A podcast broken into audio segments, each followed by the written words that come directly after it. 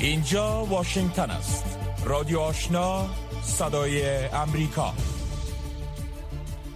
با عرض سلام و وقت بخیر شنوندگان عزیز خوش آمدید به برنامه خبری این ساعت که به میزبانی من سهر عظیمی و همکارم حفیظ آصفی برای شما تقدیم میشن خود توجه شما را جلب می‌کنم به مشروع اخبار افغانستان منطقه و جهان از همکارم حفیظ آصفی. سلام وقت شما بخیر. مقام های طالبان تایید کردند که پنج طبعه بریتانیا را که شامل یک فیلمبردار شبکه خبری بی بی سی و پیتر جوونال تحلیلگر امور افغانستان می گردد از بند رها کردند. این اتباع بریتانیا در ماه دسامبر سال گذشته میلادی توقیف شده بودند. جزیات بیشتر را از فوز احسان می شنوید زبیح مجاهد سخنگوی حکومت این گروه گفت که این اتباع بریتانیا دیروز دوشنبه به مقام های آن کشور تسلیم داده شدند و دلیل توقیف آنها نقض قوانین افغانستان و سنن مردم آن کشور ذکر شدند. این گروه یک روز بعد از آن رها شدند که هوگو شورتر شاجدافیر سفارت بریتانیا برای افغانستان که مأموریتش را از قطر پیش می‌برد در اعلامیه گفت که کشورش از هیچ کس از جمله شهروندان افغان که به دنبال دستیابی به تغییرات سیاسی از طریق خشونت استفاده کرده یا هر گونه فعالیتی که خشونت را برای اهداف سیاسی تحریک می کند حمایت نمی کند. وزارت خارجه بریتانیا از رهایی شهروندان آن کشور توسط طالبان قدردانی کرده و گفته است که آنان خلاف توصیه حکومت بریتانیا به افغانستان سفر کرده بودند. ادامه خبرها برنامه جهانی غذا از ادامه کمک ها برای رسیدگی به نیازمندان در افغانستان خبر داده و گفته است که تنها در ماه گذشته در ولایات نیمروز، غور و لغمان بیش از هفت هزار نفر از این کمک ها مستفید شده اند. این اداره ملل متحد روز سه شنبه 21 ماه جون گفت که سازمان ملل متحد تلاشهایش را برای کمک به افراد نیازمند در بخشای این کشور افزایش داده است. بر اساس معلومات این برنامه تنها در ماه گذشته میلادی 100 هزار نفر در ولایت نیمروز کمک های بشردوستانه دریافت کردند.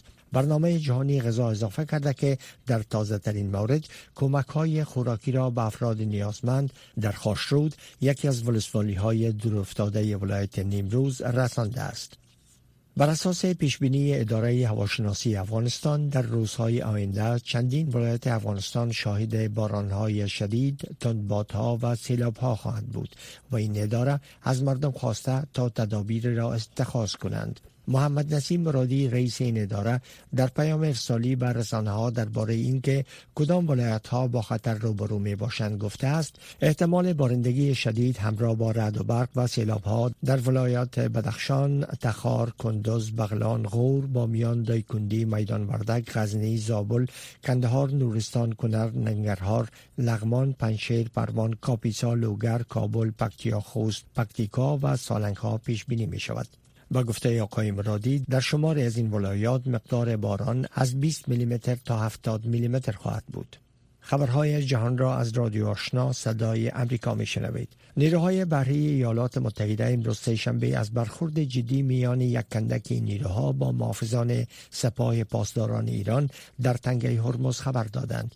کندک پنج نیروهای بحری ایالات متحده که مستقر در شرق میانه می باشد گفته است که سه کشتی محافظ با دو کشتی ایالات متحده که در حال گذشتن از تنگه هرمز در خلیج فارس بودند برخورد ناامن و غیر حرفه‌ای کردند. یک ویدیوی این رویداد نیز توسط نیروهای بحری ایالات متحده به نشر رسیده است.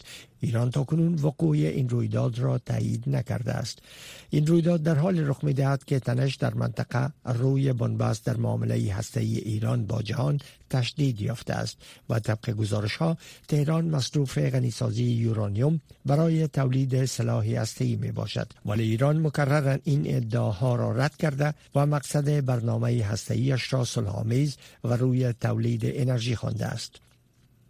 نیروهای روسی به حملاتشان بر منطقه دونباس ادامه دادند. های اوکراین گفتند که وضعیت در خط نخست جبهه در شرق آن کشور کاملا دشوار است. سیری هایدی والی نظامی منطقه لوهانسک گفته است که نیروهای اوکراین به دفاع از مناطق لیسیچانسک و دونسک ادامه می دهند جایی که به گفته او سخت ترین جنگ روان است.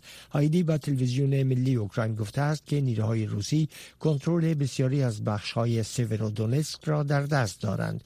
اما به گفته او نیروهای روز بر کارخانه کیمیایی آزود کنترل ندارند. بر اساس گزارش صدها غیر نظامی در این دستگاه از هفته ها به این سو پناه گرفتند ادامه خبرها از رادیو آشنا صدای امریکا. سوال نینینسو رئیس جمهور فنلند امروز سهشنبه گفت که مذاکرات میان کشورش با ترکیه روی عضویت فنلند در پیمان ناتو آغاز شده و نایل آمدن با موافقه در این مذاکرات در طول نشست ناتو که قرار است در شهر مادرید در اواخر این ماه شود دشوار خواهد بود. او گفت که امیدوار است این مذاکرات در نهایت با موفقیت برسد ولی تقسیم اوقات زمانی را برای زمان این مذاکرات تعیین نکرد. رئیس جمهور فنلند اضافه کرد که مذاکرات به شکل جدی جریان دارد و او امیدوار است که آنان به سمت دستیابی به یک موافقه در حرکت باشند. ترکیه با عضویت فنلند و سویدن در پیمان ناتو مخالف است و این موضوع باعث برخی تنشها در میان ترکیه با این دو کشور گردیده است. کره جنوبی امروز سهشنبه اولین راکت ساخت آن کشور را به مدار زمین پرتاب کرد. این دومین کوشش آن کشور چند ماه بعد از پرتاب راکت اول بود که به ناکامی انجامید و راکت به مدار زمین نرسید. راکت نوری که متشکل از سه بخش است از تنها مرکز پرتاب راکت ها در کره جنوبی که در یک جزیره کوچک در جنوب آن کشور موقعیت دارد ساعت چهار عصر به وقت آن کشور پرتاب شد. مقامات اکنون نتیجه این پرتاب را و اینکه آیا موفق بوده است یا خیر شریک نکردند اگر این پرتاب موفق شود کره جنوبی دهمین کشور خواهد بود که با استفاده از تکنولوژی راکت را در مدار زمین قرار می دهد. بوریس جانسن صدر بریتانیا روز سه شنبه از کارگران خطوط آهن به دلیل برگزاری بزرگترین اعتصاب در بریتانیا انتقاد کرد. ده ها هزار کارگر خطوط آهن روز سه شنبه دست از کار کشیدند و شبکه قطار آهن را در بزرگترین اعتصاب حمل و نقل کشور در سه دهه گذشته با مشکلات زیاد روبرو ساختند. آقای جانسن این اعتصاب را به ایجاد بدتر ساختن غیر ضروری وضعیت متهم کرد. حدود 40 هزار تن که در بخش های مختلف سیستم خطوط آهن مسئولیت داشتند روز سه شنبه اعتصاب 24 ساعته را برگزار کردند. دو اعتصاب دیگر نیز بر روزهای پنجشنبه و شنبه برنامه ریزی شده است. عمله متروی لندن نیز روز سه شنبه دست به اعتصاب زدند. این اعتصاب به دلیل اختلاف روی دستمزد و معاش شرایط کار و امنیت شغلی را اندازی شده است. مرکز هشدار سیلاب بنگلادش به روز سه شنبه اعلام کرد که سطح آب در منطقه شمال شرقان کشور تا پنج روز آینده بالا خواهد ماند زیرا مقام ها در تلاش برای تامین آب و غذا برای صدها هزار نفر از مردمی هستند که پس از چندین روز باران شدید و سیل به خانمان شده اند. شیخ حسینه صدر بنگلادش در ارزیابی هوایی منطقه آسیب دیده از سیل سهم گرفت و اقدامات تخلیه و امداد رسانی را بررسی کرد. سیل های ناشی از باران های موسمی بیش از ده نفر را تلف کرده و میلیون ها نفر را متاثر ساخته است. سیل های ویرانگر هر چند سال یک بار کشور را تحت تاثیر قرار داده و به زیر ها و اقتصاد آن آسیب می رساند. دانشمندان می گویند سرازیر شدن سیلاب در بنگلادش به دلیل تغییرات اقلیمی بدتر شده است. و خبر آخرین که دمیتری موراتوف که یک تن از برندگان جایزه صلح نوبل در سال 2021 بود و ویرایشگر روزنامه نوایا گزیت در روسیه است این جایزه اش را برزش 103 میلیون دلار در مزایده فروخت و ابراز داشت که این پول را برای کمک به کودکان بجا شده در اوکراین استفاده خواهد کرد. مراتوف این تصمیم را روز دوشنبه که روز جهانی پناهجویان بود اعلام کرد و اضافه کرد که پول حاصل از فروش این جایزه را به کمیته رسیدگی به کودکان بیجا شده اوکراین که یونیسف آن را ایجاد کرده است خواهد سپرد. مراتوف این تصمیم را در حال اتخاذ کرده است که فشارها بر روزنامه های لیبرال از سوی پوتین تشدید یافتند. پایان خبرها تا این ساعت از رادیو آشنا صدای امریکا. تلویزیون آشنا دریچه شما و سوی جهان. نه تنها در صفحه تلویزیون بلکه در صفحه اختصاصی فیسبوک تلویزیون آشنا. در وبسایت دری با آدرس voanews.com دری. در یوتیوب با آدرس وی افغانستان دری. و در صفحه اینترنتی تویتر تلویزیون آشنا در هر زمان و هر مکان پیوند دهنده شما با جهان. و حالا می رسیم به بخش گزارش های این ساعت. آژانس فرانس پرس گزارش شده است که کمیته تحریم های سازمان ملل متحد سرپرست وزارت تحصیلات عالی و معین وزارت معارف طالبان را ممنوع سفر کرده است. کارشناسان به این نظرند که در کوتاه مدت این اقدام نتایج مثبت ندارد چون این دو مقام طالبان چندان در مناسبات بین المللی تاثیرگذار نیستند. جزئیات بیشتر در این گزارش. به نقل از گزارش فرانس پرس یک دیپلمات که نخواست نام از وی برده شود گفته است که کمیته تحریم های سازمان ملل متحد روز دوشنبه این فیصله را کرده است. اما رفع محدودیت سفر از 13 مقام دیگر طالبان برای سه ماه دیگر تمدید شده است. دلیل وضع تذیرات جدید سازمان ملل متحد بر عبدالباقی حقانی سرپرست وزارت تحصیلات عالی و سعید احمد شهیدخیل معین وزارت معارف طالبان افزایش محدودیت ها بر زنان به ویژه منع آموزش دختران و بستماندن مکاتب دوره متوسطه و لیسه دخترانه خوانده شده است. این در حال است که مکنون عبدالباقی حقانی سرپرست وزارت تحصیلات عالی طالبان در یک سفر رسمی به ترکیه رفته است. اسدالله زایری کارشناس سیاسی گفت که این اقدام ملل متحد در کوتاه مدت نتیجه نمی دهد اما با اشاره به مافیت 13 مقام دیگر طالبان افزود. سیگنالی هست به مقامات افغانستان که اگر اونها از این فرصت استفاده بکنه و سیاست هایشان تغییر بدهد خب طبیعی است که مناسبات بهتر خواهد شد. ولی اگر حکومت سرپرست از این فرصت استفاده نکنه و حق آموزش زنان و دختران را به رسمیت نشناسه. و سایر موضوعات حقوق بشری رعایت نکنه. طبیعی است که فشارها بر حکومت سرپرست آرام آرام افزایش خواهد یافت و مدیت ها و همینطور تحریم های بیشتری ممکنه وضع بشد آقای زایری گفت که وضع ممنوعیت سفر بر این دو مقام طالبان که نقش در مناسبات بین المللی ندارند سبب نخواهد شد که طالبان از موضعشان در قبال آموزش دختران کوتاه بیایند.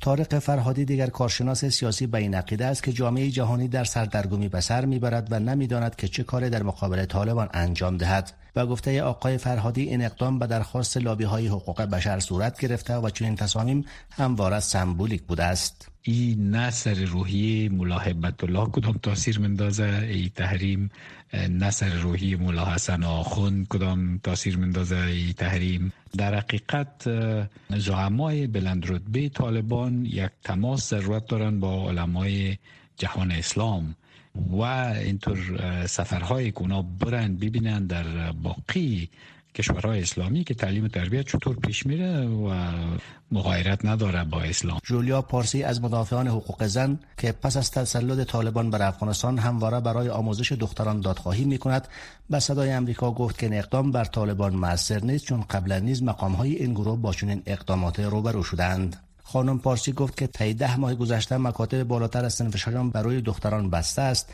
و دانشجویان دختر نیز هر روز به بهانه های نداشتن هجاب کارت، لباس رنگه و سایر موارد از در دانشگاه ها رانده می شوند. تا زمانی که اینا عملی نکنن مثلا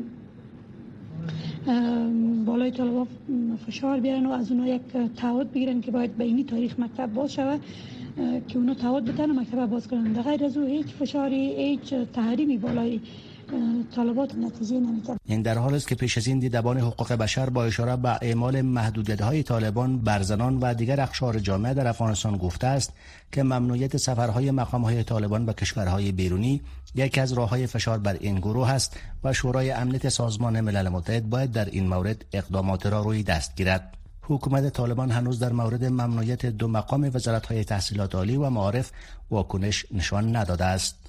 سازمان ملل متحد برای نخستین بار در سال 1999 میلادی بر سفر برخی از رهبران طالبان ممنوعیت وضع کرد تا به عنوان بخشی از واکنش این سازمان به فعالیت‌های خشونت آمیز و تروریستی در افغانستان باشد. اما این سازمان سی سال پیش این تحریم خود را به دلیل آغاز گفتگوها میان نمایندگان ایالات متحده امریکا و طالبان در دوحه پایتخت قطر لغو کرد تا آنان در این مذاکرات اشتراک بتوانند. روکو راست. صحبت های داغ صاحب نظران در مورد خبرها و مسائل روز هر شام از ساعت 8 تا 9 شب در برنامه مشترک دری و پشتوی رادیو آشنا صدای امریکا. بخش زنده این برنامه را در نشرات ماهواره صدای امریکا نیز دنبال کرده می توانید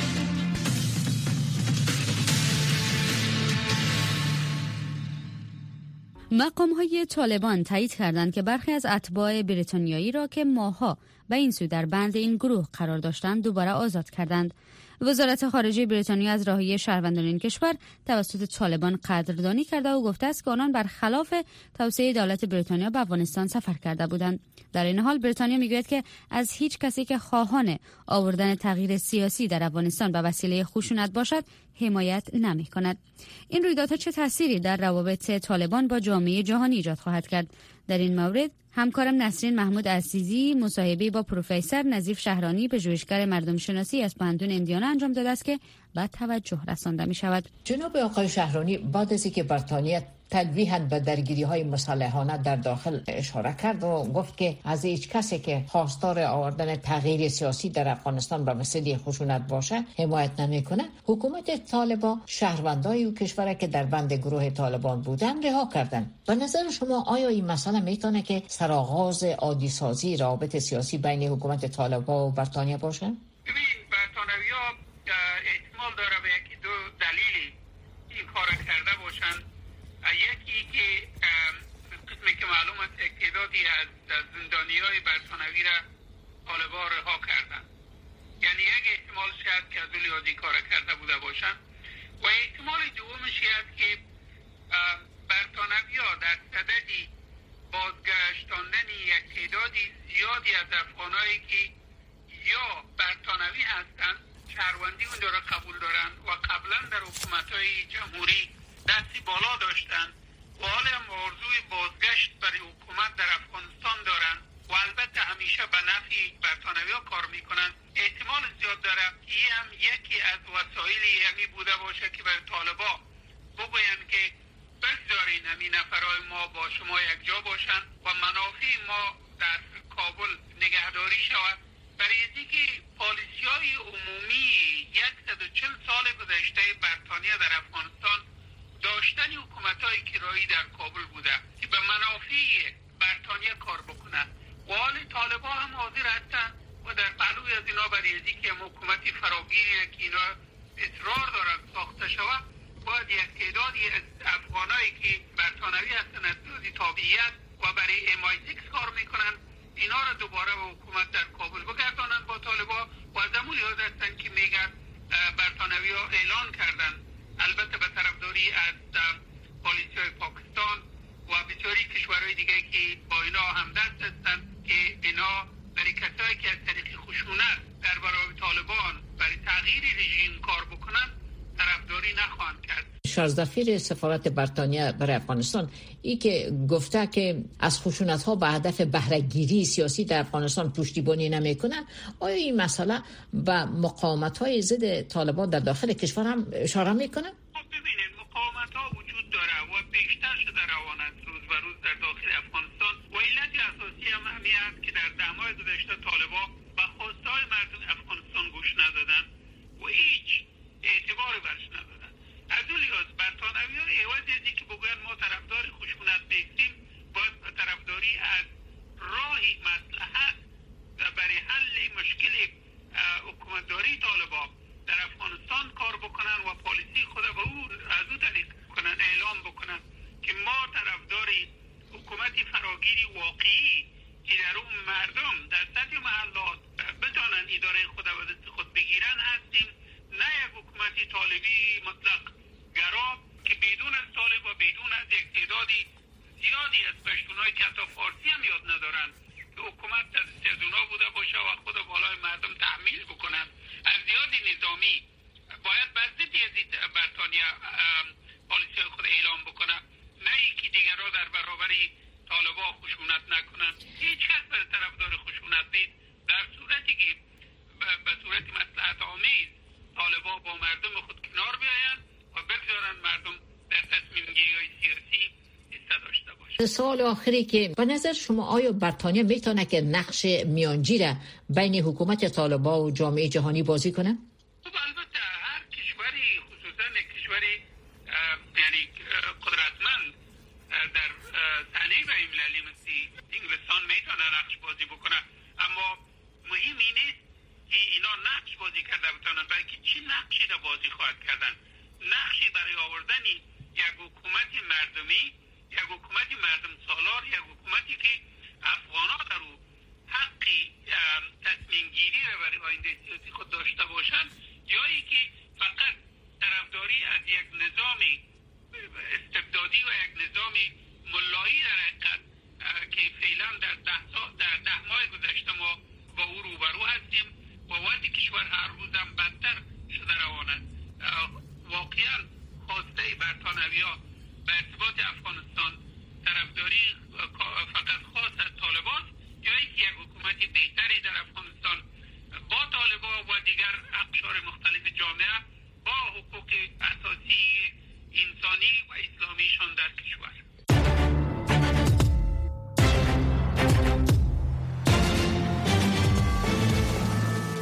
روکو راست. صحبت های داغ صاحب نظران و نظریات شنوندگان در مورد خبرها و مسائل روز هر شام از ساعت 8 تا 9 شب در برنامه مشترک دری و پشتوی رادیو آشنا صدای امریکا.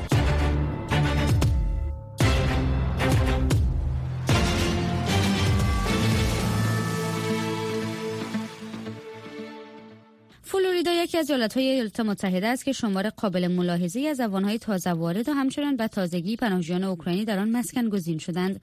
در رابطه با برنامه ها و خدماتی که نهاد اجتماعی لوترن برای مهاجران افغان به خصوص آن افغانها که پس از سقوط رژیم کابل در آگوست سال گذشته به امریکا انتقال داده شدند فراهم می کند فوزی احسان مصاحبه با خانم لورا کوک یکی از مسئولان این نهاد انجام داده است که با هم میشنویم.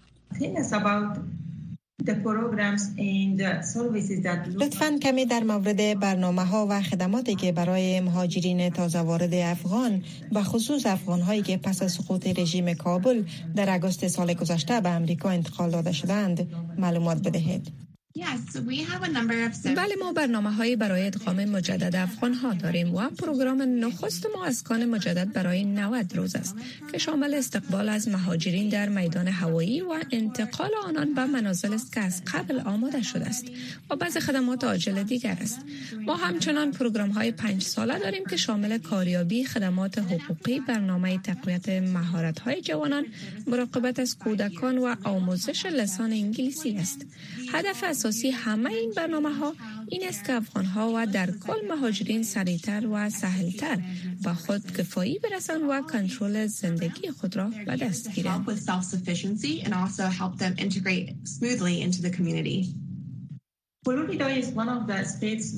فلوریدا یکی از ایالت هایی است که شمار قابل ملاحظه از افغان های تازه وارد و همچنان به تازگی آواره های اوکراینی در آن مسکن گزین شدند. گفته شده که دسترسی به خانه یکی از مشکلات عمده برای مهاجرین تازه وارد است. به این چالش چگونه می شود رسیدگی کرد؟ بله تهیه خانه یکی از چالش های اساسی می باشد و خصوص در این روزها که قیمت منازل بلند رفته. مخصوصا در بخش های شمال شرقی فلوریدا که تعداد زیادی از مردم با آنجا منتقل شدند. قیمت ها به صورت بی سابقه افزایش یافته است. ما هم برای یافتن خانه و مهاجرین با چالش های زیادی مواجه هستیم. خواهش من از اجتماعات فلوریدا به خصوص مناطق شمال شرقی این است که اگر خانه های اضافی دارند آن را به کرایه بدهند. مهاجرین هم مانند سایر مردم قرارداد امضا می کنند و کرایه می دهند. How challenging is uh, working with uh, refugees, uh, people who have چالش کار با مهاجرین تازه وارد که با فرهنگ و شیوه زندگی امریکایی آشنایی ندارند و زندگی در امریکا را از هیچ آغاز می کنند چیست؟ who are starting from scratch, how it is to work with them در روز جهانی پناهندگان قرار داریم این یک افتخار است که با آنان همکاری کنیم. اما مشکل است که به همه گروه هایی که به این کشور وارد می شوند به طور یکسان رسیدگی شود. چون مردم از کشورهای مختلف با تجربه های متفاوت می آیند هر گروهی که وارد می شود سرگذشت به خصوص خود را دارد. تجربه ها و چالش هایی را که آنان از سر گذاشتند متفاوت است. مجبورند با آن کنار بیایند. ادغام در فرهنگ و محیط تازه از چالش های دیگری است که آنان تجربه می کنند و مجبورند بیاموزند و با آن کنار بیایند. یاد گرفتن لسان مانع دیگر است که پروسه ادغام در امریکا را مشکل می سازد اما با ما آن مسائل عادت کرده ایم. سالها این کار را انجام داده ایم به این چالش ها فایق آمده ایم و خواهیم آمد. در یک مدت بسیار کوتاه. دولت امریکا شمار قابل ملاحظه ای از مهاجرین افغان را پذیرفته و همچنان اکنون به تعداد زیادی از مهاجرین اوکراین اجازه ورود و اقامت در امریکا داده شده. این در حالی است که به باور تعدادی از مردم و گروه ها مهاجرین بار سنگین بر اقتصاد این کشور وارد می کنند شما که از نزدیک با مهاجرین کار می کنید چه فکر می کنید آیا مهاجرین واقعا بار سنگین بر اقتصاد امریکا هستند و یا می توانند در انکشاف اقتصادی امریکا سهیم و مفید واقع شوند؟ مهاجرین به خاطر توسعه اقتصادی کشور هم در سطح ملی و هم در سطح محلی بسیار مهمند. به نظر من این یک باور بسیار نادرست است که تعدادی از مردم دارند. مهاجرین تنها در چند هفته اول برای چند ماه محدود کمک های مانند بیمه صحی رایگان دریافت می کنند. اما آنها در توسعه اقتصادی سهم قابل ملاحظه ای دارند. آنها نه تنها مشاغل مورد نیاز نیاز را انجام می دهند بلکه خلاهای شغلی در بازار کار را که امروز فراوان وجود دارد پر می کنند امروز به کارگران زیاد نیاز است و خلای زیادی وجود دارد. آنها همچنان استعداد سرمایه گذاری دارند. تجارت ها و کسب و کار را اندازی می کنند که هم به اجتماعات خدمات فراهم می شود و هم شغل ایجاد می شود در صورتی که فرصت و امکانات در اختیارشان قرار داده شود آنها واقعا سهم قابل ملاحظه در انکشاف ملی و محلی ما دارند دولت جو بایدن و کانگرس امریکا در تصویب قانون تنظیم افغانهای تازه وارد کند و بیمیل عمل می کند. این به این معناست که تکلیف افغانهای تازه وارد تا هنوز روشن نشده و به زودی شاید با انقضای تاریخ اسناد موقت پناهندگیشان دچار سردرگمی اقامتی شوند. به خاطر رفع بلا تکلیفی این گروه مهاجرین کانگرس چی کاری می تواند انجام دهد؟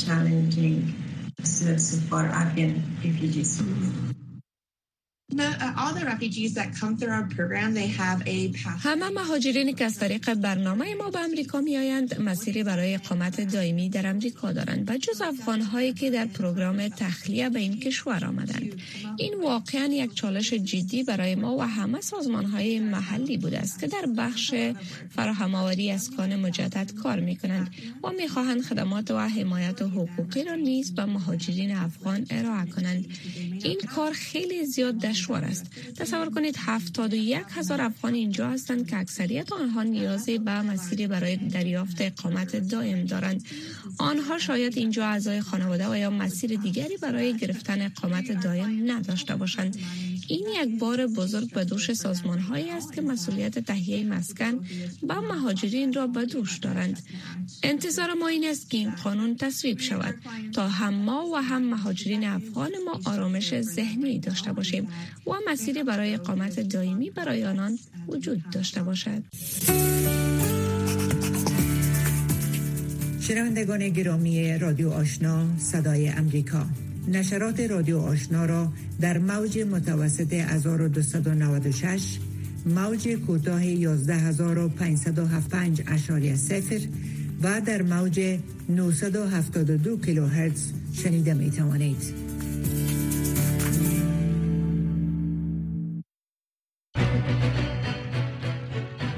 می‌رسیم به پایان سرویس خبری این ساعت از رادیو آشنا صدای امریکا برنامه های ما ادامه دارد. تا دقایق بعد شنونده برنامه های زنده رادیو آشنا صدای امریکا باشید.